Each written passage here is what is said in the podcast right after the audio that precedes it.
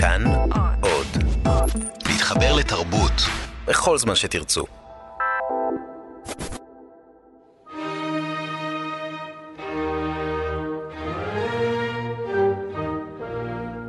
מאחורי הקלעים, שעה עם רותי קרן על צידו הנסתר של עולם התרבות והאומנות.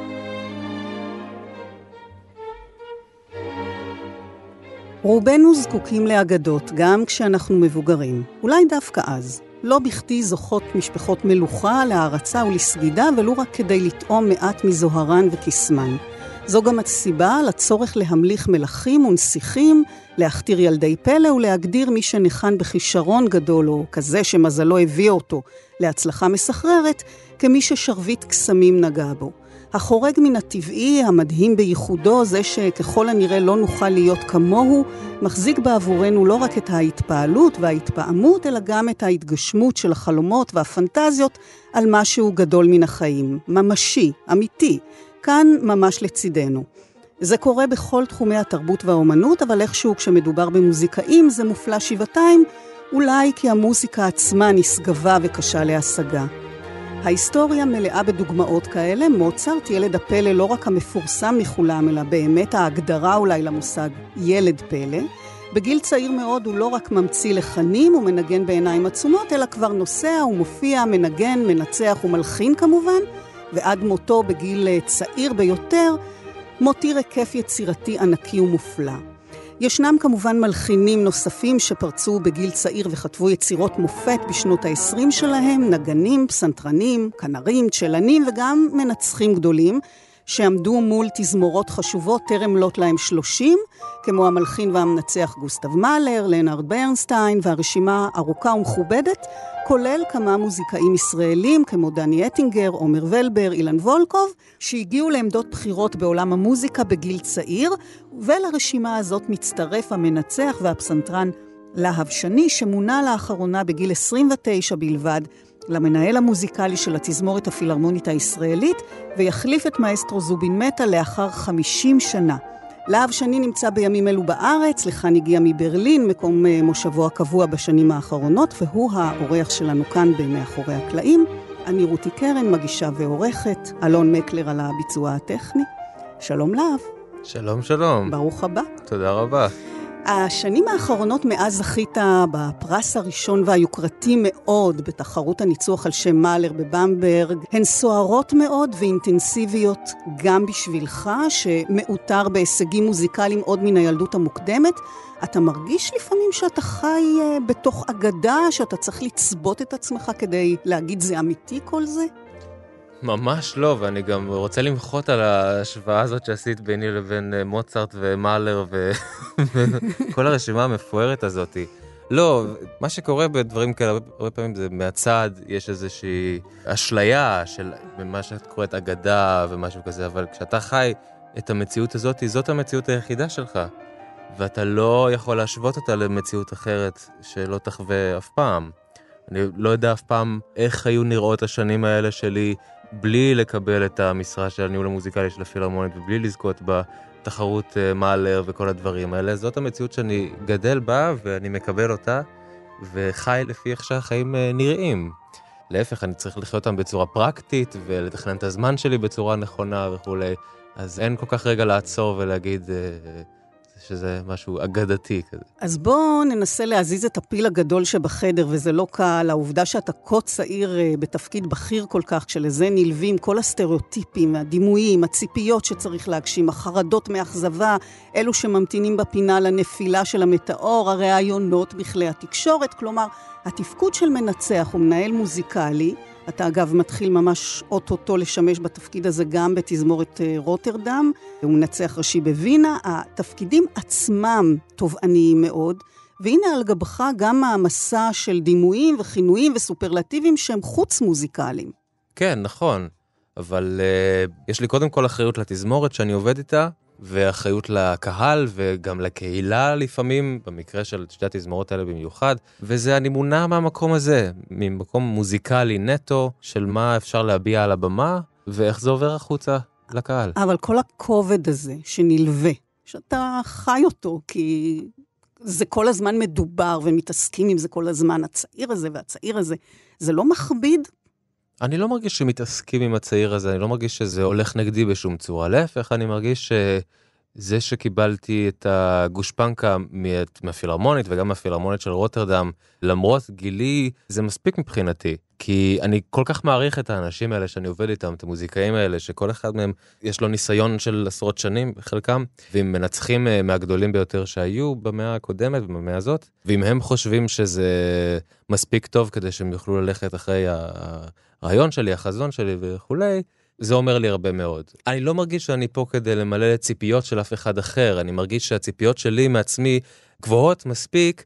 כדי שיהיה לי איזושהי מטרה ולאן uh, להתקדם, וזה מה שחשוב לי. אני אגיד לך מה זה מזכיר לי. אני שאלתי פעם את uh, הסופר עמוס עוז, איך הוא מרגיש uh, להיות עמוס עוז, שיש איזה... דימוי מאוד גדול ויש את המציאות בתוך זה. כן, אבל כמו שאני אומר, זה, הדימוי הוא איך שהוא נראה מבחוץ, ואני צריך להתאמץ כדי להכניס עצמי לנעליים של מישהו שהוא לא אני, ולחשוב איך זה נראה מבחוץ. ואגב, סטריאוטיפים לא אחת אה, תופסים מוזיקאים כאנשים אה, מרובעים, חיים בבואה רק סביב המוזיקה, הרחק מן החיים עצמם, שמונה שעות אימונים בכל יום. והנה אה, מורתך המיתולוגית לפסנתר שנים רבות, חנה שלגי, סיפרה בריאיון שהיית קר רוח, ומאחר שידעת יצירות... עצלן, לא קר רוח, עצלן. אני לא העזתי. לא המילה היא עצלן, אין לי בעיה לומר את זה. לא התאמנת כל כך הרבה שעות. בוודאי שלא. ובעיקר לא היית אמביציוזי מספיק יחסית לכישרון שלך כדי להגיע לגדולה, ומתברר שזה לא קשור. או שהאמביציות התפתחו עם הזמן מאז? אמביציה התפתחה ברגע שהגיע העניין של אחריות. בתור ילד, אה, ההורים אחראים עליך, המורה אחראית, הבית ספר, יש כל כך הרבה אנשים וגופים שסביבך ומטפחים אותך ודואגים לך, וכן, גם מצפים ממך, ואתה יודע שמישהו פה, האחריות היא עליו. כשאתה פתאום יוצא מהבית וגר בחו"ל ופתאום צריך לממן את עצמך ואחר כך אתה פתאום אה, מתקדם בקריירה ואתה מתחיל להצליח וכל הצלחה דורשת ממך גם את ההצלחה הבאה. ואחר כך פתאום אתה מתחיל לנהל גופים אה, גדולים ופתאום אתה אחראי על עוד אנשים. כל צעד כזה מוציא ממך ממש את האמביציה פי כמה וכמה בלי שאתה שם לב כמעט. אבל בתור ילד, שרק מעניין אותך לשחק עם אה, חברים אחרים וליהנות וכל מה שמעניין ילדים לעשות. כן, אז אימון ומשהו שהוא כזה דורש איזושהי דיסציפלינה, זה לא משהו שהוא בראש מעייניך, לפחות לא אצלי, זה לא, לא הדבר הראשון שהעסיק אותי. לא, זה שובר את כל ה... אתה יודע, את כל הדימויים שלנו, ה... זאת אומרת, אתה מוכיח שזה אבל לא... אבל אני, אני לא יודע אם יש קשר ישיר בין כישרון לבין אמביציה. אני, אני חושב שממש לא. לא, אבל אתה מדבר לא. גם על עניין של אימון ועניין של אה, להתמקד בדבר הזה, להקדיש לזה כל כך הרבה שעות, כמו שאנחנו מפנטזים על זה. מאז שאני זוכר את זה, בגיל אפס אהבתי לנגן. לא היה שום שלב בחיים שפתאום לא אהבתי לנגן, פתאום לא אהבתי מוזיקה, שהיה לי משבר ולא רציתי לנגן, לא רציתי לשמוע מוזיקה. זה לא, לא קיים ולא יכול לקרות בכלל דבר כזה. אז מה זה העצלנות אמ, שאתה מדבר? העצלנות היא של כל העבודה במוזיקה, זאת אומרת, לשמור על כושר וללמוד את היצירות יותר לעומק ולשפשף כל פסאז' שלא יהיו טעויות ושהכל יהיה... לא, זה לא עניין אותי. זה חנה. זה בדיוק, ופה מגיעה נקודה חשובה, היה לי מזל גדול מאוד, שאת המורה שלי זה כן עניין, את חנה שלגי. והיא באמת מתוך מוטיבציה פנימית שלה, וחזון שלה, ואמונה שלה בי ובכישרון שלי, ראתה לאן זה הולך, וראתה שבכוחות עצמי זה לא יתקדם לשום מקום. אה, ולקחה את זה על עצמה פשוט. כן, פרויקט, פשוט פרויקט חיים. פשוט לקחה את זה על עצמה, כן. ואני הייתי לעיתים מגיע אליה כל יום הביתה. לשיעור פסנתר אה, סטנדרטי הייתי אומר הוא שעה בערך שעה שעה וחצי אפילו. אצל חנה זה היה שעתיים וחצי שלוש שזה כבר זמן שהוא זמן אה, די אופטימלי לאימון בבית. יש כאלה שמתאמנים יותר אני לא חושב שזה בהכרח uh, רצוי, אבל בואי נאמר שבאזור השעתיים וחצי שלוש זה זמן טוב של אימון, במיוחד כשהוא נעשה עם מומחה כמוה, שמקפיד שכל דקה באימון היא תהיה דקה משמעותית. שאתה לא סתם שורף את הזמן, שאתה לא מתעצל, שאתה באמת לומד ואתה באמת מתקדם ואתה לא על הדרך אולי צובר הרגלים רעים. זאת אומרת, שלוש שעות טהורות של אימון, זה דבר אופטימלי. ובאמת אני חייב להודות לה, כי השנים האלה שלהיות אצלה יום-יום, הביאו אותי לרמה פסנתרנית שכל מה שאני יודע על נגינת פסנתר זה בזכות זה. אז אם נניח לרגע את סיפורי האגדות ואת מושגי ילדי הפלא והכוכבים, מה שמעניין להתוודע אליו הוא תהליך... התגבשות והיווצרות של מוזיקאי, שבדרך כלל עושה דרך ארוכה רבת שנים עד שהוא מגיע לעמדה בכירה ובעלת השפעה כמו אלו שאתה זכית בהן בזמן כה קצר, הדברים אה, נבנים לאט. ואילו כאן מתאפשרת איזו פרספקטיבה על התהליך המורכב הזה, לא ממרום 60 שנות ניצוח וגיל מופלג, אלא ילד שהחל לנגן מוקדם מאוד, אובחן ככישרון בולט, ייעד את עצמו להיות פסנתרן, והנה הוא מנהל מוזיקלי של שתי תזמורות נכבדות. טוב, זה תהליך אה, כמו שקרה לי, גם קרה בעבר באמת למנצחים כמו זובין מטה ולאונרד ברנשטיין, שפתאום באמצע גיל ה-20 קרתה איזושהי פריצה. כשזה קורה זה משהו די בלתי נמנע, זאת אומרת, יש פתאום איזושהי סיטואציה, במקרה שלי זה היה תחרות מאלר, ומיד אחר כך פתיחת העונה עם הפילהרמונית הישראלית ב-2013, כמחליף של מנצח אחר, של קורט מזור, אבל באמת משהו בטיימינג גרם לזה, וזה מוביל להתפרצות, ופה זה מין נקודת אל-חזור. יש לזה יתרונות ויש לזה חסרונות. אנחנו נזכיר למאזינים שהיום אה, בתוכנית מאחורי הקלעים, על אה, אומנות הניצוח ועל תהליך התהוות של אה, מנצח באולפן כאן תרבות, הפסנתרן והמנצח להב שני, ואני רותי קרן. ונוסיף שאפשר להאזין לנו גם באפליקציית כאן אודי, הורידו ותוכלו להאזין לכל התכנים הכי טובים במקום אחד, באיכות טובה ובשידור חי, כל תוכניות כאן תרבות וההסכתים.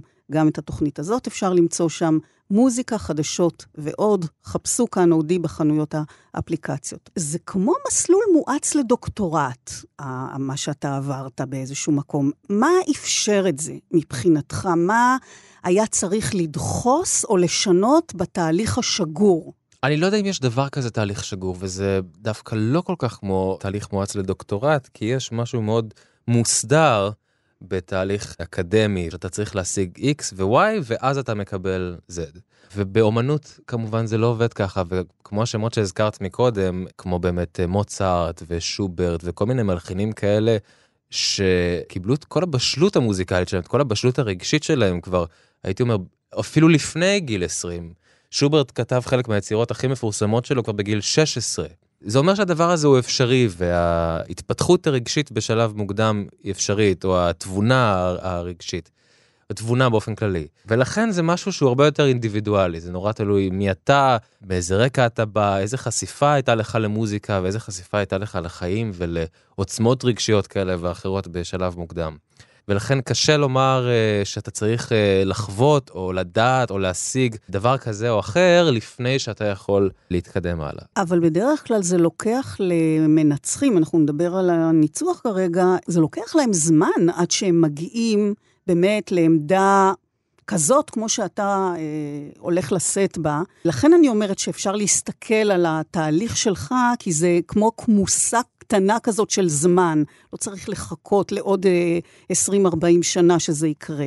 והשאלה אם באמת בגלל שהתהליך דחוס באיזשהו מקום, זה משנה משהו בתהליך. אני בטוח, אבל אני אולי מקווה שאני אמשיך להתפתח ב-20, 40, 50 שנה הבאות. אני לא חושב שהתהליך נעצר פה בגלל שהגעתי לאיזה שהם הישגים כאלו ואחרים. להפך, אני מרגיש שזה מאפשר לי מפה התפתחות מוזיקלית אמיתית ברמה הגבוהה ביותר. אני תמיד הרגשתי, אפילו בתור סטודנט, מתחיל בתור מנצח חסר ניסיון לגמרי, הרגשתי יותר בנוח לעבוד עם תזמורות טובות, עם מוזיקאים טובים, מאשר עם תזמורות בינוניות. בעניין הזה הייתי חריג דווקא, okay. כן. מהרבה, כן, מהרבה מחבריי הסטודנטים בברלין למשל, שאיכשהו הרגישו מאוד בנוח עם התזמורות הנקרא להם בינוניות יותר, כי יש להם הרבה מה להגיד, הם יכולים לעבוד עם התזמורות האלה הרבה, הם מרגישים חשובים יותר, יש להם איזושהי עמדה של יתרון, הייתי אומר. עם תזמורות גדולות, יש איזה חרדה שאתה לא יודע מה להגיד, התזמורות כבר משופשפות. ניסיון, כולם שם עם כישרונות גדולים, ומה תבוא ותגיד. החרדה הזאת היא, היא קיימת, זה לא שזה משהו שאני מנותק ממנו, אבל איכשהו תמיד ברגע האמת, ברגע שנעמדתי מול תזמורות כאלה, הרגשתי שיש לי שפה משותפת עם המוזיקאים. שאני לא פה בשביל ללמד אותם שום דבר, אני לא פה בשביל uh, להסביר להם, אלא אני פה כבר באמת בשביל לדבר איתם על הרמות הגבוהות ביותר של העשייה המוזיקלית. וגם אני מקבל אוזן קשבת, וזה לא משהו שאני צריך להתאמץ מדי בשביל להסביר אותו, אלא זה משהו שהמוזיקאים מרגישים אותו, וכשהם מבינים שאנחנו משדרים על אותו גל, אז יש תוצאות... אה, יש הפריה. כן. כן. בעצם היית פסנתרן מכונן, וצריך לזכור שישנם המון פסנתרנים מאוד מאוד מאוד מוכשרים שצומחים כאן ובכל מקום. זה לא מספיק, נכון? כדי להיות פסנתרן שמופיע, צריך להיות פנומנלי, ואתה כנראה כזה. אז למדת בתלמה ילין, ובשלב מסוים סיפרת לי, ניסית להתקבל לבית ספר אה, גבוה למוזיקה בפילדלפיה. כן, אה, ניסיתי ו... להתקבל לבית ספר קרטיס בפילדלפיה, ולא התקבלתי בגיל מאוד מוקדם, גיל 16 או 17. ובאמת עד אז אני חושב שמסלול החיים שלי היה מכוון אך ורק לפסנתר. התחלתי באותו זמן, כבר בשנתיים האחרונות של התיכון, לנגן קונטרבאס, וזה גם מה שהכניס אותי ממש לעולם התזמורת ברצינות, ובסופו של דבר גם לניצוח, ובכלל למחשבה על ניצוח. אבל הנקודה הזאת של פתאום משהו בתהליך נעצר באותה בחינה בפילדלפיה, והבנתי שזה לא כל כך קל כמו שזה נדמה. גרם לי קצת אה, לחשב מסלול מחדש. ו... זה היה משבר? כן, זה לחלוטין היה משבר. כמו שאני אומר, עד אותו רגע היה נראה שיש מסלול מאוד ברור, קו ישר, פסנתרנות, תלמה ילין, ואחר כך מין בית ספר כזה שהוא מאוד מאוד אקסקלוסיבי ומקבל רק תלמיד אחד בשנה לפעמים. ובאותה בחינה התמודדתי מול uh, שמונה אסייתים, סינים, יפנים, שגם במיוחד בשביל uh, ישראלי צעיר, ידעתי שהסטיגמה, ואולי זה לא רק סטיגמה, נכון. זה אנשים שעובדים uh, קשה ועם מלאי מוטיבציה. וטכניקה מעולה. טכניקה, ועובדים שעות ביום עם איזו מסירות כזאת של עבודה, וידעתי שאני עצלן ישראלי חפיפניק. שבא לעשות מוזיקה וליהנות, אבל לא בהכרח הכל משופשף עד הסוף. ובאותה נקודה באמת לא היה לי ברור אם זה הולך קדימה עם הפסנתרנות או לא. נשארתי בארץ. עד כדי בארץ. כך? כן, כן, ממש כן. ממש אה, עצרת לשאול אם, אם אתה בנתיב הנכון? אם הפסנתרנות היא הנתיב הנכון. בשום שלב בחיים לא היה לי ספק שאני אהיה מוזיקאי. זה... אבל עד כדי כך אה, של לעצור ולשאול האם אני באמת מתעתד להיות פסנתרן בגלל אה, מקום אחד שלא בשביל קיבל? בשביל ילד שעד אותו רגע הכל הלך לו נורא... לא, את יודעת מה, אני לא, לא אגזים ואגיד לא, שהכל הלך נכון, לו חלק. לא, זה נכון, אבל אתה היית... לא, לא, לא, כן, כן, עברתי עוד משברים קטנים לפני זה, אבל משהו בסדר גודל כזה... משהו כזה שאתה חווה אותו בתור איזשהו כישלון, הוא קשה, קשה להתמודד איך איתו. איך יוצאים מזה? אז לא הפסקתי לנגן, באמת, המשכתי לנגן, מה שנקרא, על אש קטנה. התחלתי לנגן קצת יותר קונטרבאס, התחלתי להתעמק יותר בעולם הזה של תזמורת, ואולי שנה בלבד אחר כך עשיתי בחינה אודישן לזובין מטה בתור פסנתרן. הוא קיבל אותי לנגן איתו בתור סולן עם הפילהרמונית הישראלית, וזאת עוד פעם הייתה איזושהי נקודת מפנה. פתאום ראיתי שאוקיי, אז בית ספר אחד לא מאמין בי, נכון. אבל מישהו כמו זובי מטה כן. באמת זה פתאום נתן פרץ חדש של מוטיבציה, אני חושב. וגם בסמוך לנקודה הזאת, שכבר ממש אה, הניצוח התחיל להתבשל לי בראש, זובין מטה היה ממש אה, אחד מהאנשים שמאוד אה, עודדו אותי בכיוון הזה. ומאוד השפיעו עליי ללכת וללמוד באירופה. בסופו של דבר עברתי ללמוד בברלין באמת. אבל כשאתה מדבר על האפיק של הניצוח, אתה מדבר על הקונטרבאס, כלומר, אתה מרחיב את המנעד לכלי התזמורת, זה הייתה חלופה לפסנתר בשלב ההוא, שפתאום באמת נדלקת על זה? לא, באמת נדלקתי על זה. נדלקתי על זה לפני. אני חושב שכבר בתיכון זה ריתק אותי פתאום העולם הזה, זה היה לי חדש. לא שלא הכרתי מוזיקה תזמורתית לפני זה, אבל אה, לא באינטנסיביות כזאת, לא כל כך מבפנים, לא בחזרות של יום יום ולשמוע מה כל תפקיד בתזמורת עושה ואיך הכל הולך יחד. ומה זה אומר לנגן יחד עם כל כך הרבה אנשים. כשאתה מסיים את אה, תלמה ילין, אחרי שירות אה, מלא בצה"ל כמוזיקאי מצטיין, אתה נוסע לברלין ללמוד, וב-2013 אתה זוכה בפרס הראשון, בתחרות היוקרתית ביותר לניצוח על שם המלחין גוסטב מאלר בגרמניה, גובר על פני אלף מועמדים? לא. לא? לא צריך להגזים. לא, היו 400 מועמדים. אוקיי. לא, אה, בכל זאת. היו 400 uh, אה, שהגישו מועמדות, ומתוכם הוזמנו 12 מועמדים לתחרות. 12 באמת עמדו וניצחו על התזמורת, תזמורת במברג בגרמניה. היו ארבעה שלבים בכל שלב, שלושה לא עלו לשלב הבא, אז נשארנו שלושה בגמר. ולא הייתה לזה תהודה מספקת בארץ, אבל באמת מדובר בהישג אדיר, נכון? ואם מדברים על שרביט קסמים, זה מאפשר לך להחזיק אה, בשרביט המנצחים ולשעוט מהצלחה להצלחה.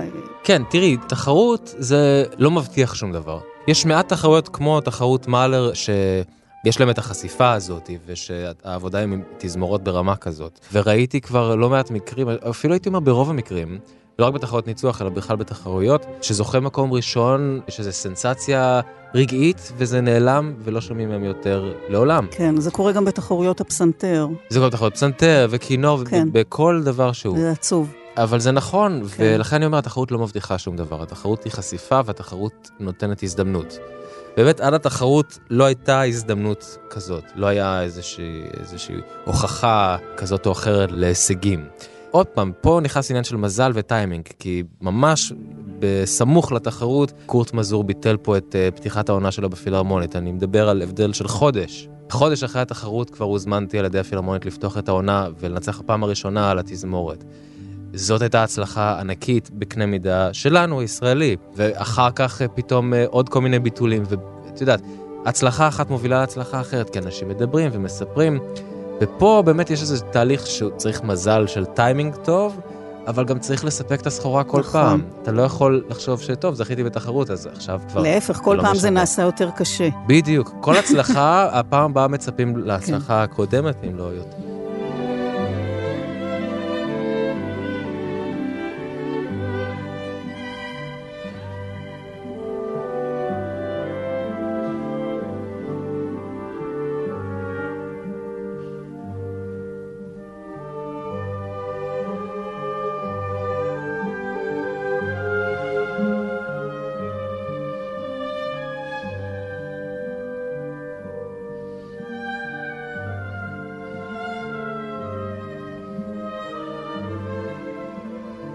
דיברת קודם על המשבר, גם הצלחה כזאת יכולה לערער. איך מכילים את זה? בבת אחת פתאום הכל קורה. פה אני חושב שדווקא לאופי שלי יש יתרון של באמת מה שחנה אמרה שלי קרה קור רוח.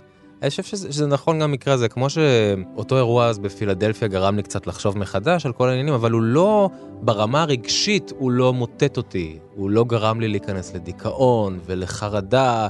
לא, זה ממש היה מין איזושהי מחשבה פרקטית, האם זה המקום הנכון ומה אני צריך לעשות.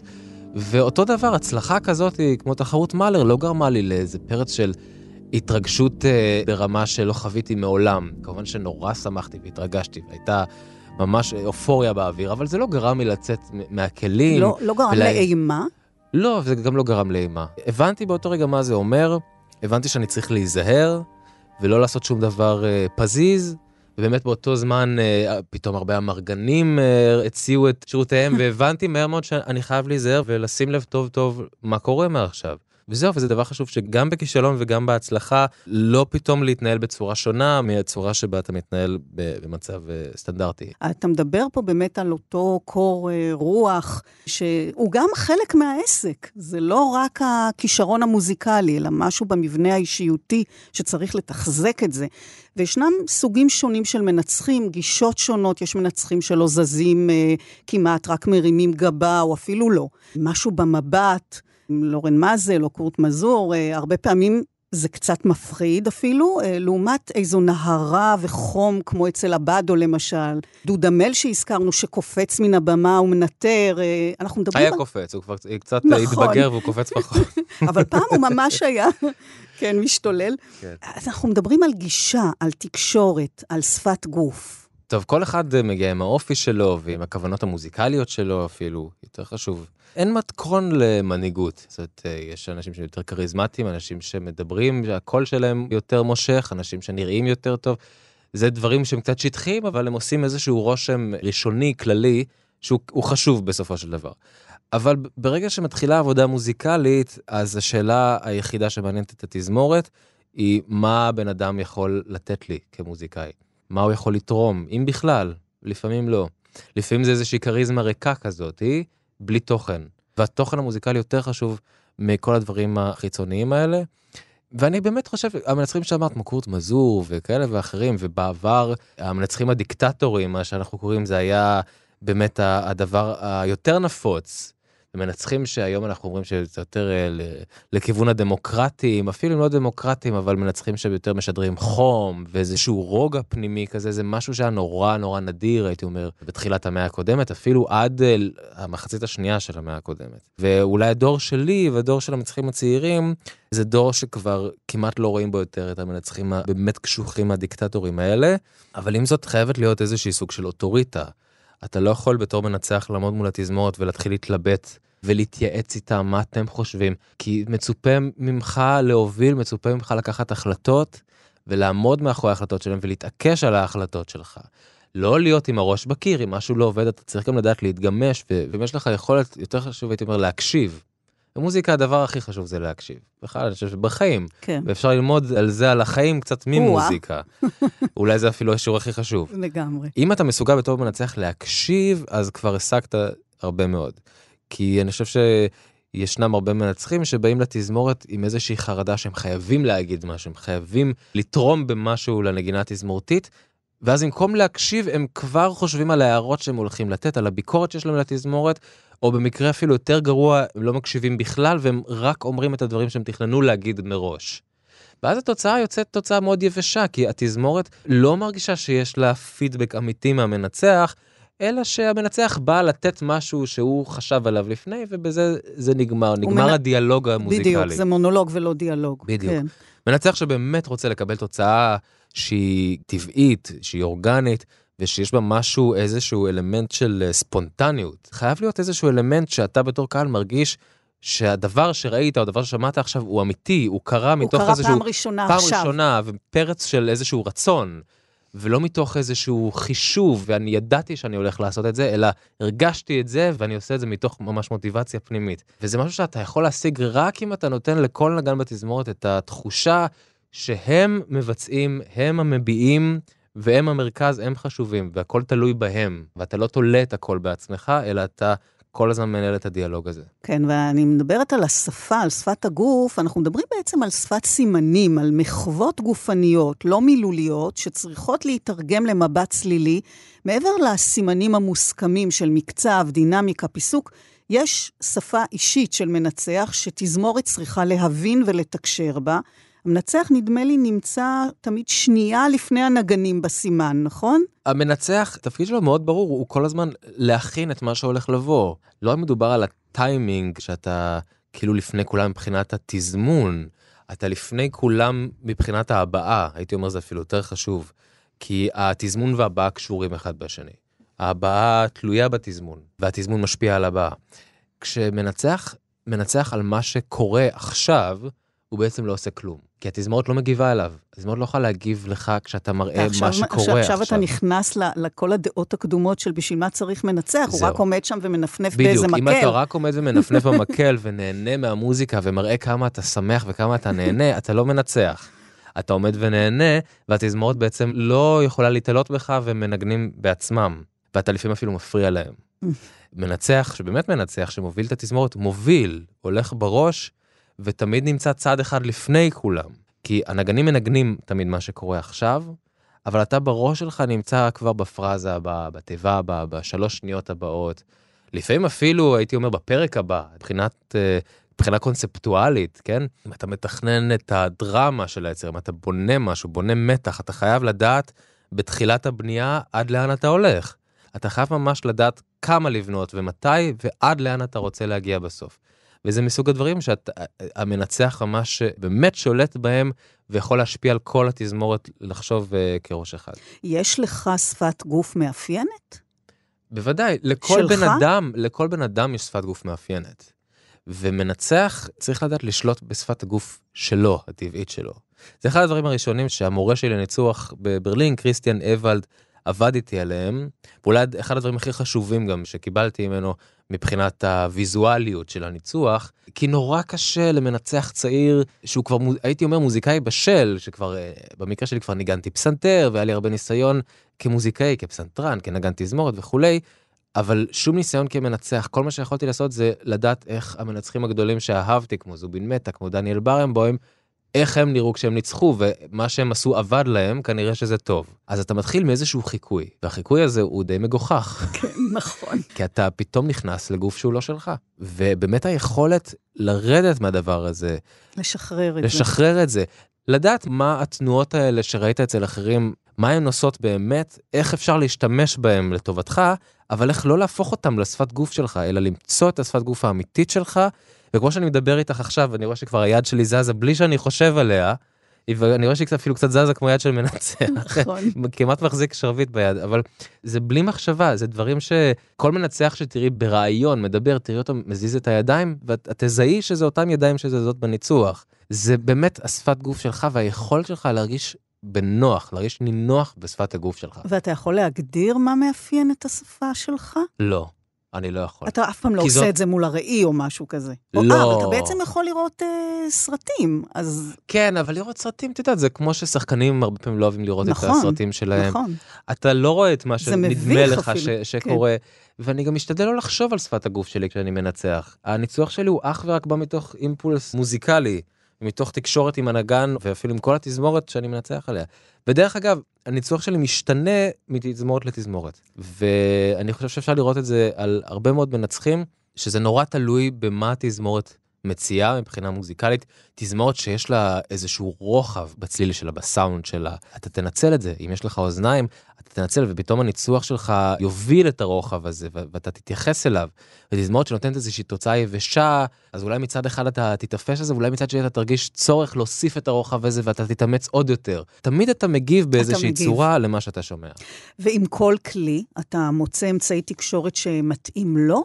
עם כל כלי, והייתי אומר עם כל נגן.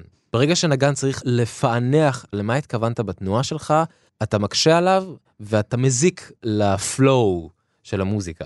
אז נניח עם האבוב אתה תדבר אחרת מאשר עם הצ'לו? זה לא של לדבר. מבחינת הס, השפה. השפת גוף כן. צריכה להיות ברורה לכולם באותה כן. צורה. למשל, למשל, נגן כלי נשיפה חייב לנשום. לא יכול לנגן בלי לנשום. זה ממש חוק. נגן כלי מיתר, לא. יכול להתחיל לנגן מיד, גם נגן כלי הקשה. לא בהכרח זה אומר שככה זה צריך להיות, יכול להיות שבהרבה מקרים, אם יש פרזה מוזיקלית שהיא פרזה שירתית למשל, מאוד יעזור לנגן כלי מיתר אם אני אנשום איתו כאילו שהוא שר, בשביל לתת לו את התחושה של שירה ופתאום הנגינה הופכת לשירה. אבל במקרה של כלי נשיפה זה ממש מתחייב. זה לא יכול לעבוד בשום צורה אחרת. ואז ו... התנועה שלך אליו תהיה שונה? התנועה שלך חייבת להיות קשורה בנשימה של הנגן.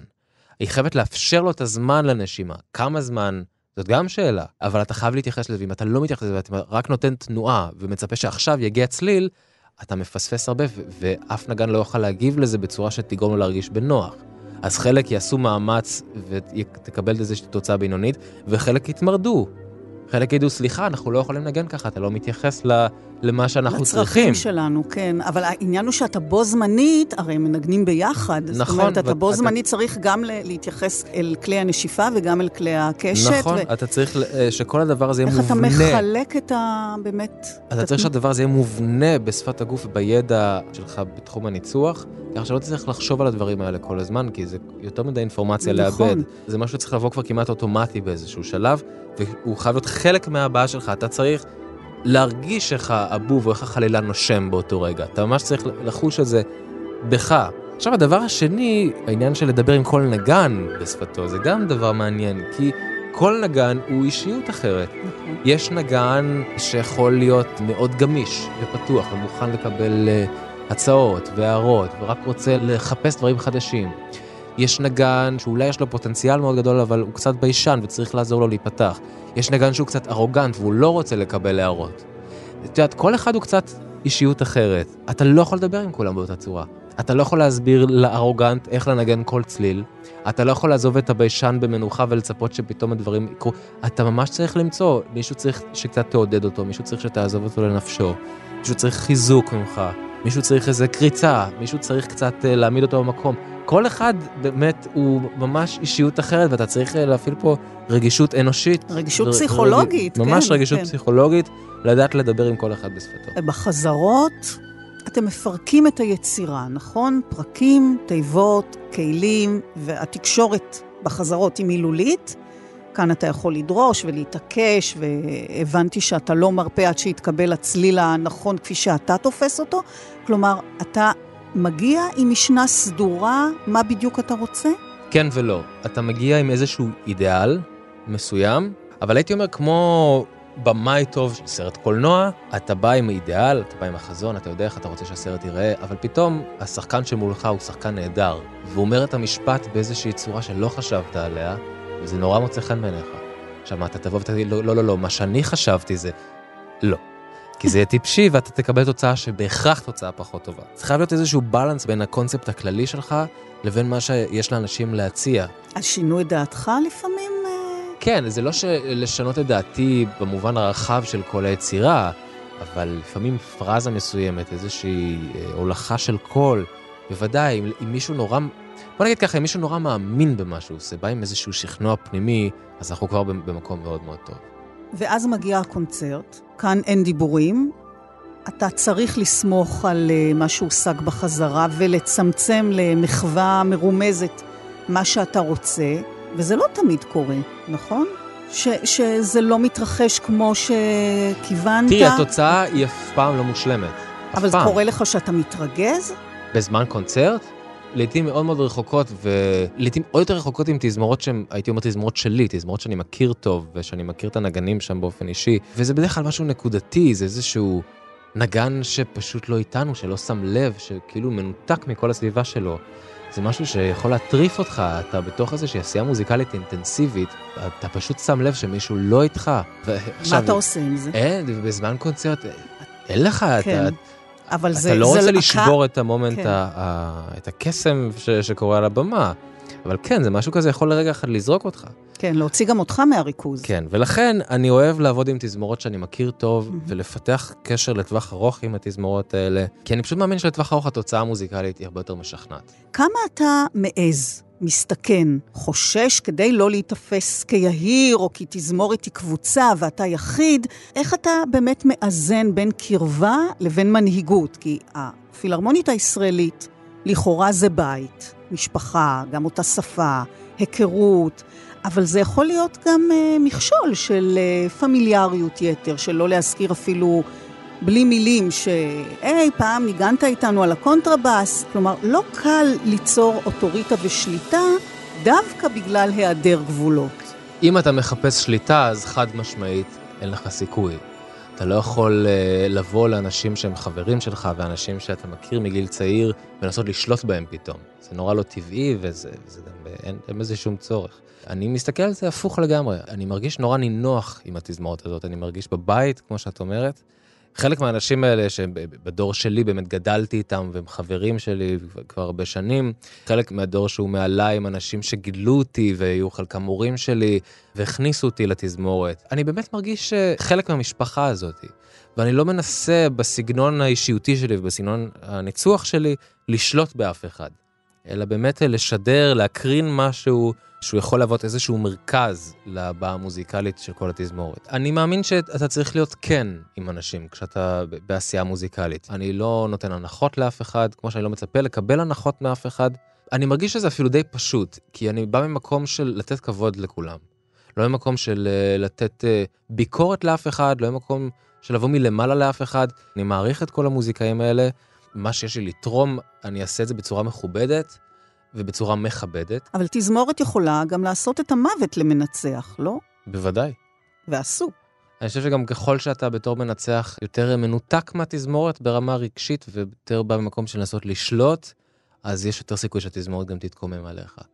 כל המנצחים האלה, הדיקטטורים הגדולים שדיברנו עליהם, כזה טוסקניני למשל, ממש אגדה בתחום הדיקטטורים.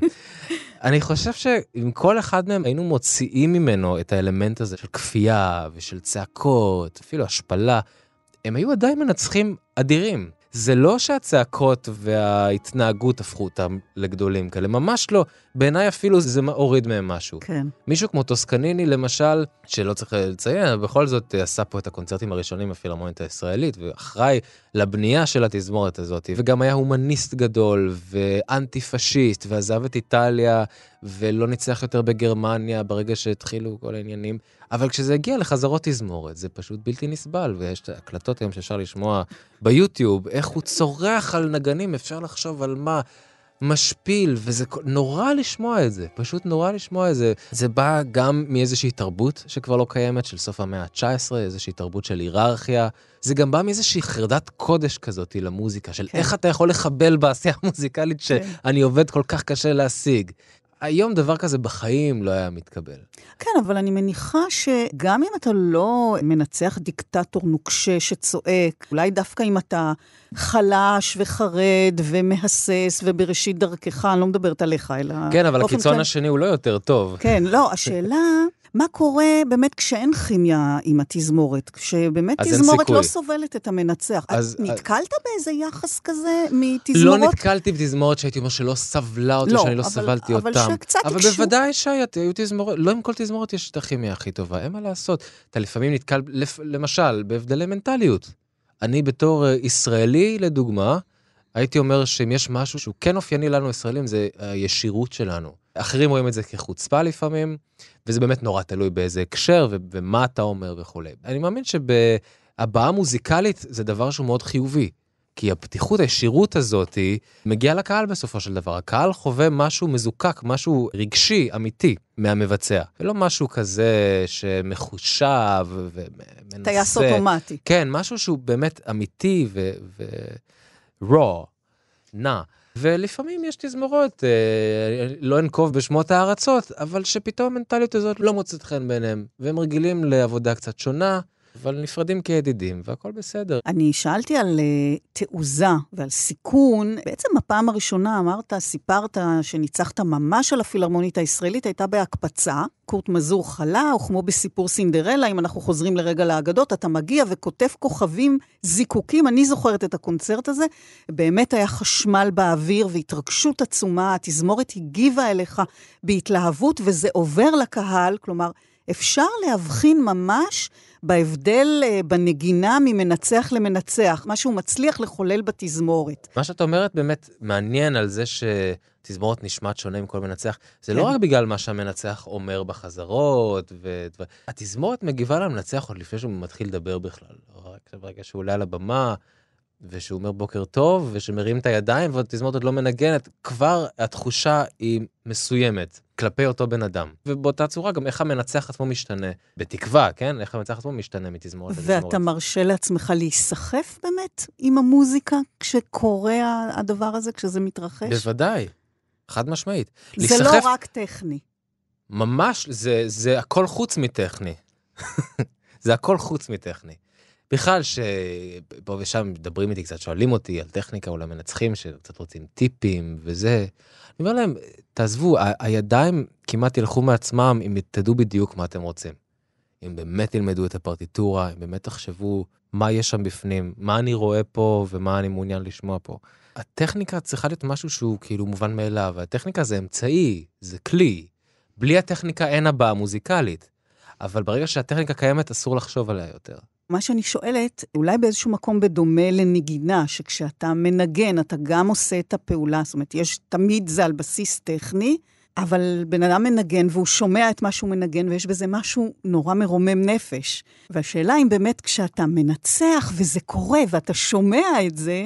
כן, אבל אל תשכחי שאתה, בתור מנצח, אתה לא מאזין למוזיקה.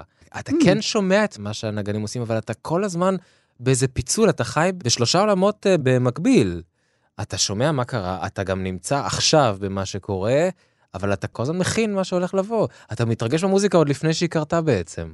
אני כבר מתרגש מהפרזה הבאה, אני יודע מה הולך להגיע, וזה יותר מרגש אותי ממה שקרה אפילו לפני רגע. אגב, גם לפילהרמונית של וינה הוזמנת בהתראה של שבוע בלבד. איך נערכים למשהו כזה? הרי אפשר להיכשל בענק. נכון. קודם כל, אני, אני באופן כללי בן אדם שלוקח סיכון. לא סיכון שהוא סיכון טיפשי, שאני יודע שאני שם פה את כל, ה... את כל החיים שלי על, על, על הכף. לא, אבל אם אני מרגיש שאני עושה משהו שהוא כאילו יש בו איזושהי סכנה קלה, אבל הרווח הוא רווח גדול מאוד, אני אעשה אותו. במקרה של הפילהרמונית של וינה, הסיכון בהתחלה היה גדול מדי, כי התוכנית שהמנצח שהחלפתי אותו היה צריך לעשות היא תוכנית שלא הכרתי בה אף יצירה. וזה סיכון שלא הייתי לוקח. ברגע שהתזמורת אמרה, אנחנו מוכנים לשנות את כל התוכנית בשבילך, העיקר שתבוא, אז אמרתי, זהו. עכשיו זה כבר סיכון שאני חייב לקחת. כשתזמורת כזאת היא אומרת, אנחנו נעשה איזה תוכנית שאתה רוצה, ואני יכול לבחור את היצירות שאני מרגיש איתן הכי בנוח, אז כן, זה סיכון, כי לא היה לי זמן להתכונן לזה עוד פעם. זהו, אז איך נערכים לזה? אבל עוד פעם, יצירות שכבר ניצחתי עליהן, יצירות שאני מכיר טוב. במקרה אותה תוכנית בדיוק שאיתה פתחתי את העונה בפילהרמונית ב-2013, ושבאמת הוכיחה את עצמה כהצלחה. עם פילהרמונית של וינה זה סיכון כפול, כי עשיתי איתה באמת את הסימפוניה הראשונה של מאלר גם, שזאת באמת היצירה שלהם, חד משמעית. זאת התזמורת למאלר, מאלר חי בווינה וניצח על התזמורת הזאת, היה המנהל המוזיקלי של תזמורת האופרה, שזאת בעצם אותה תזמורת בדיוק, וזה ממש, אה, זה באמת, הייתי אומר באמת מסוכן לבוא בפעם הראשונה עם יצירה כזאתי. אבל בגלל שהרגשתי שאני מרגיש בטוח בעצמי ביצירה הזאת, עם המלחין הזה, הרגשתי שזה סיכון שאני חייב לקחת אותו, ובאמת הוכיח את עצמו כהצלחה. אתה, אתה נלחץ לפני קונצרט? אתה חרד? לפני קונצרט, לעיתים נדירות מאוד, והייתי אומר באופן כללי, לא, פשוט. לחץ מגיע לפני חזרה ראשונה, או עם תזמורת חדשה שאני לא מכיר, או עם יצירה חדשה שאני עושה בפעם הראשונה. אי היכולת לדעת לאן הדברים אה, הולכים להתגלגל היא קשה, אין מה לומר. אז כן, אתה ישר מדמיין את הרע מכל, הייתי אומר, ובאיזשהו מקום אפילו מנמיך ציפיות מעצמך. ואז ברגע האמת אתה רואה שכולם uh, פה בכוונה טובה, כולם רוצים שיהיה קונצרט טוב, כולם רוצים לתת צ'אנס אחד לשני.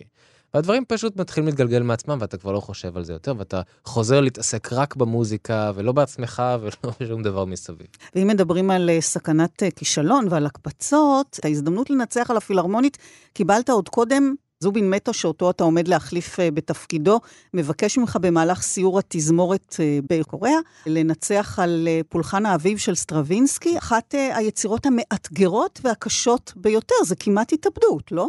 לא, זה לא התאבדות, זה... פולחן האביב. אחת היצירות שהכי חיכיתי לנצח עליה. אבל היא נורא קשה. היא נורא קשה, נכון. אבל את יודעת, במקרה זאת אחת היצירות האלה שבתור תלמיד תיכון, לפני שבכלל חשבתי על ניצוח, היצירה הזאת כל כך ריתקה אותי, שפשוט פעם אחת לקחתי את הפרטיטורה ולמדתי אותה... בעל פה. בעל פה, תוך איזה שבוע, שבועיים, באמת בגלל שהייתי כל כך מרותק לזה, והייתי חייב לדעת מה קורה שם בפנים. וכשבאמת הגיעה ההזדמנות הזאתי, אז הרגשתי שרק חיכיתי לרגע הזה. אני זוכר שגם זובין מטה עוד אמר לי, אם אתה מרגיש עם זה לא בנוח, תגיד לי, אני לא רוצה שבפעם הראשונה שאתה עם הפילהרמונית, שתפשל ושתרגיש לא בנוח, אני רוצה שתעשה רושם טוב. הוא היה מאוד תומך מהבחינה הזאת. באמת הייתי תלמיד בסך הכל שנה אחת, תלמיד ניצוח. ממש ירוק, ממש בחיתולים, אבל הכרתי טוב כל כך את היצירה וכל כך רציתי לנצל את הרגע הזה שלא היה אפילו טיפת חשש. אתה מנצח הרבה בלי פרטיטורה, נכון? אה, לעיתים קרובות, כן. אה, אה, זאת אומרת, זה לאחר שחקרת אותה מכל כיוון, יש אנשים שקוראים ספרים, אתה חורש פרטיטורות. אין תחליף לשבת עם הפרטיטורה. ולראות ממש מילה במילה, מה שנקרא, מה המלחין כתב. אז אילו דברים נסתרים אתה מגלה בקריאה החוזרת וחוזרת של הפרטיטורה? זה דברים שקשורים במבנה של היצירה, בהרמוניה. כשאני אומר הרמוניה, אולי זה נשמע קצת משהו לא ברור כזה וקצת uh, מטאפיזי, אבל הרמוניה זה דבר שהוא נורא חד משמעי במוזיקה. מדובר על מה שאנחנו קוראים גם האקורדים, משהו שהוא לא רק המנגינה, המלודיה, אלא מה שמניע, הייתי אומר, את המנגינה. הקולות uh, מתחת. הקולות הפנימיים, ומה שבסופו של דבר משפיע על המתח במוזיקה. על המתח, על הבנייה, על הציפייה, על השחרור של הציפייה, הכל נמצא שם בהרמוניה. זה מסוג הדברים שלא כתוב, המלחין לא בהכרח מתייחס לזה, אבל זה נמצא שם, זה קיים שם ואתה חייב לחקור את זה. לגלות את זה. ולהבין מה קורה שם, ומפה להסיק לאן המוזיקה הולכת. אחר כך זה הופך להיות ידע שאתה מנצל אותו באופן חופשי בקונצרט, אתה כבר לא חושב על זה כאנליזה יותר, זה כבר חלק מובנה בהבנה שלך על היצירה, ואתה כבר יודע לשחות ולהיות בעצם מורה דרך. להב, אתה בבסיסך פסנתרן, ואפשר לומר שיש בך המשלב שמאפיין גם את מי ששימש מנטור שלך, הפסנתרן והמנצח דניאל ברנבוים, כי משלב כזה הוא לא תמיד מאוזן. יכול להיות פסנתרן גדול ומנצח בינוני, או מנצח גדול ופסנתרן לא ממש מבריק. אתה מוערך כפסנתרן ומנצח גדול. הייתה מהמורה שקצת הסיטה אותך, אבל אני מבינה שכעת אה, חזרת לנגן ולהופיע, נכון? כן, קודם כל, כבר מאז הקונצרט הראשון שלי עם הפילהרמונית, גם הופעתי כפסנתרן באותו קונצרט, וניגנתי אז קונצ'רטו של באך. מאז ניגנתי עוד כמה פעמים בתזמורת, ובאופן די קבוע במשך השנה אני מופיע עם תזמורות כאלה ואחרות כפסנתרן ומנצח בו זמנית בקונצרט. ועכשיו באמת בעונה הזאת פתאום קרה עוד איזשהו עליית מדרגה בתחום הפסנתר. ניגנתי הרבה מאוד מוזיקה קאמרית וניגנתי, היה לי אה, רסיטל בכורה בברלין שהיה מאוד מוצלח ויש רסיטלים עכשיו מתוכננים לעתיד וקונצ'רטים שאני נגן עם מנצחים אחרים בתור סולן. אז פתאום זה עכשיו, אחרי כל השנים האלה, צובר פתאום איזושהי דחייה מחודשת. אז אנחנו מתייחסים בדרך כלל להשפעה של הנגינה על הניצוח. אה, ואתה מנצח גם מעמדת הפסנתר, והזכרת את הקונצ'רטו לפסנתר של באך, שניגנת כאן, ניגנת וניצח. זה גם וגם. יש משהו נהדר בלנגן ולנצח בו זמנית, כי זה פשוט יוצר איזושהי תחושה אמיתית של נגינת מוזיקה קאמרית. עם הרבה מאוד אנשים, כמובן, אבל זאת אותה תחושה. תחושה של give and take, שכולם פתאום חייבים לסמוך על האוזניים שלהם ועל האינסטינקטים שלהם, יותר מאשר על העיניים. זאת נגני תזמורת מאוד מסתמכים על העיניים, והולכים עם המנצח, ועוקבים אחריו. וכשאתה מלווה סולן, או אתה מנגן קונצ'רטו עם סולן, ואין מנצח מולך כל הזמן, אז כל נגן בתזמורת חייב להיות מנצח באותו רגע. כלומר, אתה לא יכול רק להגיב למה שאתה שומע, אתה חייב לעשות מה שאנחנו קוראים anticipation. אתה חייב לצפות מתי הפסנתרן הולך לנגן את הציל הבא ולהיות איתו. כי אם אתה רק מקשיב לו ואתה מחכה שזה יגיע, אז אתה תנגן מאוחר מדי. אז אתה חייב ממש להיות איתו ולהיות בראש שלו כל הזמן, כמו שמנצח היה עושה, ובעצם חוסך את העבודה הזאת לתזמורת. אבל איך הניצוח משליך היום על הנגינה שלך? אם אתה אומר שעשית איזה מין סיבוב כזה ואתה חוזר לפסנתר עכשיו אחרי איזשהו תהליך. זה נותן פרספקטיבה הרבה הרבה יותר רחבה למוזיקה. קודם כל, כשאתה מנגן יצירה של אה, ברמס לפסנתר, יצירה של בטהובן לפסנתר, אם אין לך את ההיכרות הזאת עם המוזיקה הסימפונית של המלחינים האלה, אתה פשוט לא יודע איך עבדה השמיעה הפנימית שלהם. אתה מכוון רק אה, לציל אחד, לסאונד אחד, וזה פשוט לא עובד ככה. המלחינים האלה, גם מלחינים יותר מאוחרים, כל המלחינים שכתבו גם לפסנתר וגם לתזמורת, התפיסה שלהם הייתה תזמורתית בסופו של דבר. וכשאתה מנגן אה, סונטה לפסנתר של בטהובן למשל, אתה חייב גם לחשוב כמו תזמורת, ולחשוב על התזמור של זה, גם אם אתה לא חייב לעשות את זה באופן פרקטי ולהגיד פה זה צריך ללכת לחליל וזה לקלרינט וזה לקונטרבאסים, אבל הדימוי הצלילי הזה צריך להיות טבוע בך. אתה צריך להכיר את העולם הצלילי הזה של בטהובן בשביל באמת ליישם את זה. וגם הבנייה הסימפונית וכל מה שקשור בזה, זה גם משהו שאתה יכול ליישם אותו אחר כך בנגינה, ולהפוך את הנגינה ממשהו שהוא אינטימי, שזה באמת משהו שהוא מיוחד לפסנתר, למשהו שהוא סימפוני, למשהו שהוא גדול יותר ורחב יותר.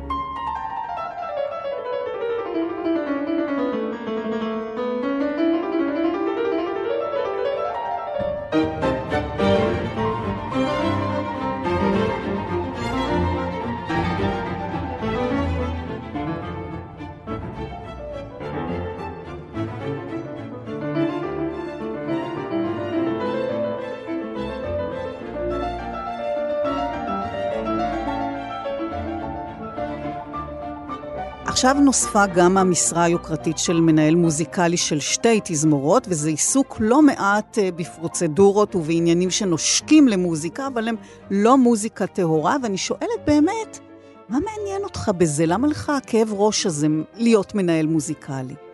מה זה אומר גם בכלל? במקרה של הפילמונית הישראלית אני מרגיש מחויבות מאוד גדולה לנגנים עצמם, בגלל ההיסטוריה שלי איתם, אני מרגיש מחויבות גדולה למדינה, למקום שבו גדלתי, לקהילה הישראלית, לקהל של התזמורת, וזה מספיק חשוב לי בשביל לעבור את, ה, את הדברים שהם לא תמיד פשוטים בניהול מוזיקלי, אין מה לומר, שכמו שאת אומרת, שהם לא כולם מנותקים מהמוזיקה, כי בסופו של דבר הרעיון הוא שנעשה הכל כדי לקדם את המוזיקה וכדי לקדם את החוויה של הקהל מהמוזיקה וכדי לקדם את ה... לאן המוזיקה שלנו מגיעה. במקרה של תזמורת כמו רוטרדם זה באמת היה העניין הזה של הכימיה המיוחדת עם התזמורת והתחושה שאנחנו יכולים להגיע בקונצרטים וגם בחזרות להישגים מוזיקליים שבעיניי מבחינתי הם יוצאי דופן בתקשורת שלי עם תזמורת. ונורא שמחתי שהם הציעו לי את התפקיד אחרי קונצרט אחד, סך הכל אחרי פגישה אחת בינינו, בגלל שהקשר הזה היה נורא חזק מההתחלה, כי היה לי ברור שעם תזמורת כזאת אני אוכל להתקדם מוזיקלית ואני אוכל להתפתח איתם ולחקור איתם את כל הרפרטואר. אבל מה באמת התפקיד של מנהל מוזיקלי? כלומר, מה, מה זה מעבר ל... את הדברים שאתה מתאר אולי היית יכול לעשות בתור מנצח ראשי או משהו? לא, בגלל שמנהל מוזיקלי הוא נוכח יותר מכל מנצח אחר שמנצח על התזמורת. אה, כל מנצח בא לשבוע, שבוע וחצי, לעשות תוכנית אחת והולך. ונצח אורח ראשי, כמו שאני למשל בווינה, בסימפונית של וינה, במקום שבוע אחד כאורח אני עושה שלושה, ארבעה שבועות, אני לפעמים יוצא איתם לסיור. מנהל מוזיקלי עושה הרבה יותר מזה, עושה שמונה, עשרה, 12 שבועות בשנה, כולל סיורים בכל רחבי העולם, אז כבר עצם הנוכחות של המנצח היא שונה, והיא בהכרח גורמת להשפעה לטווח ארוך על אופן הנגינה של התזמורת. אחר כך, איזה רפרטואר התזמורת תנגן, במשך השנים, איך העונה צריכה להיבנות, מי הסולנים שיבואו לנגן. יש בלי סוף דברים מסביב, יש אה, כמובן אה, תקציבים ויש גיוס תרומות. זהו, ש... אז אני אומרת, כן. זה לא... שזה לא דברים שמנהל מוזיקלי הוא מתעסק בהם באופן ישיר, אבל בעניין של גיוס תרומות ולהיות קרוב לאנשים שמעוניינים לתמוך בתזמורת, חד משמעית, מנהל מוזיקלי חייב לקחת בזה חלק. אבל אתה לא מרגיש שזה מסיט אותך מהמוזיקה עצמה, שאתה, זה בעצם מה שאתה רוצה ב- לעשות? זה לא מסיט, כי זה משרת את אותה מטרה, זה משרת את המטרה של לקדם... אבל זה לוקח זמן. זה בוודאי, זה לוקח זמן, זה לוקח אנרגיה, חד משמעית כן.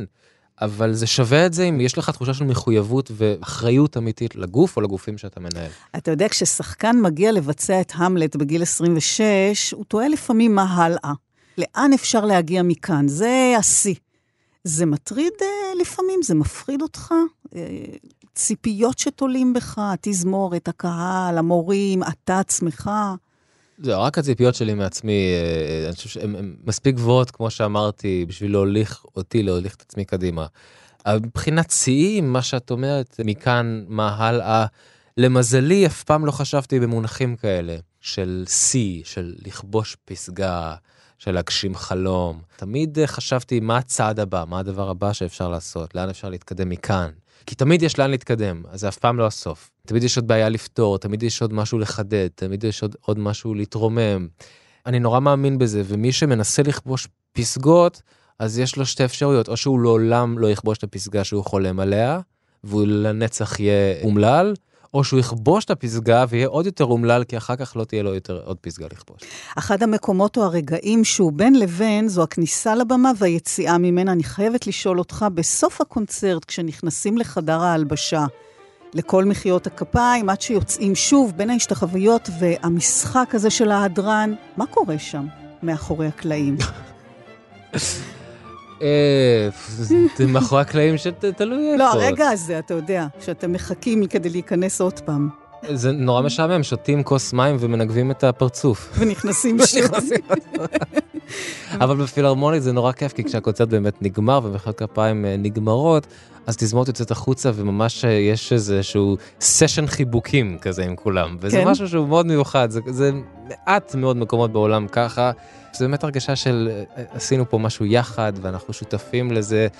וזה לא המנצח ישר הולך לחדר ונעלם, אלא באמת כולם שותפים, כולנו היינו חלק מאותו דבר. זה משהו שהוא נורא מרגש והוא נורא מיוחד. אני מניחה שלמרות לוח הזמנים המטורף שלך וההתרוצצויות ברחבי העולם, והיה קשה להביא אותך לכאן, ונהדר שהגעת לבסוף, אתה בוודאי מנסה לחיות חיים מחוץ למוזיקה שממלאת אה, את רוב זמנך וגם את הראש, אני מניחה. יש צורך לשקט? שקט קונקרטי, לא לשמוע שום צליל? אין דבר כזה אצלי. בוא נגיד, ככל שהשקט יותר uh, מוחלט, המוזיקה בראש uh, מתגברת. כל הזמן אתה... כל הזמן. אתה שומע יצירות. כן. כרגע לא, כרגע אנחנו מדברים, אבל אם אנחנו נעשה רגע עצירה, אז משהו יקפוץ, משהו כן. יתנגן, באופן אקראי לגמרי. אבל השאלה אם אתה רוצה שקט, אם אתה זקוק לזה. לא שקט ממוזיקה, אבל אה, רוגע, חד משמעית כן. בוודאי, ואני גם נורא דואג לזה, ואני אפילו, אני קצת מבדיל את זה מ... אני חושב רוב המנצחים שממש עובדים סביב השעון, וממקום אחד למקום שני, וכל הזמן טיסות ומלונות. אני אוהב להיות בבית, ואני אוהב קצת להירגע, לשבת קצת על הספה, ולקחת גם יום בלי לקרוא פרטיטורות, ולפגוש חברים, ולבשל וליהנות, וזהו. ו... לחיות. לחיות. להב שני, תודה רבה לך. תודה לך.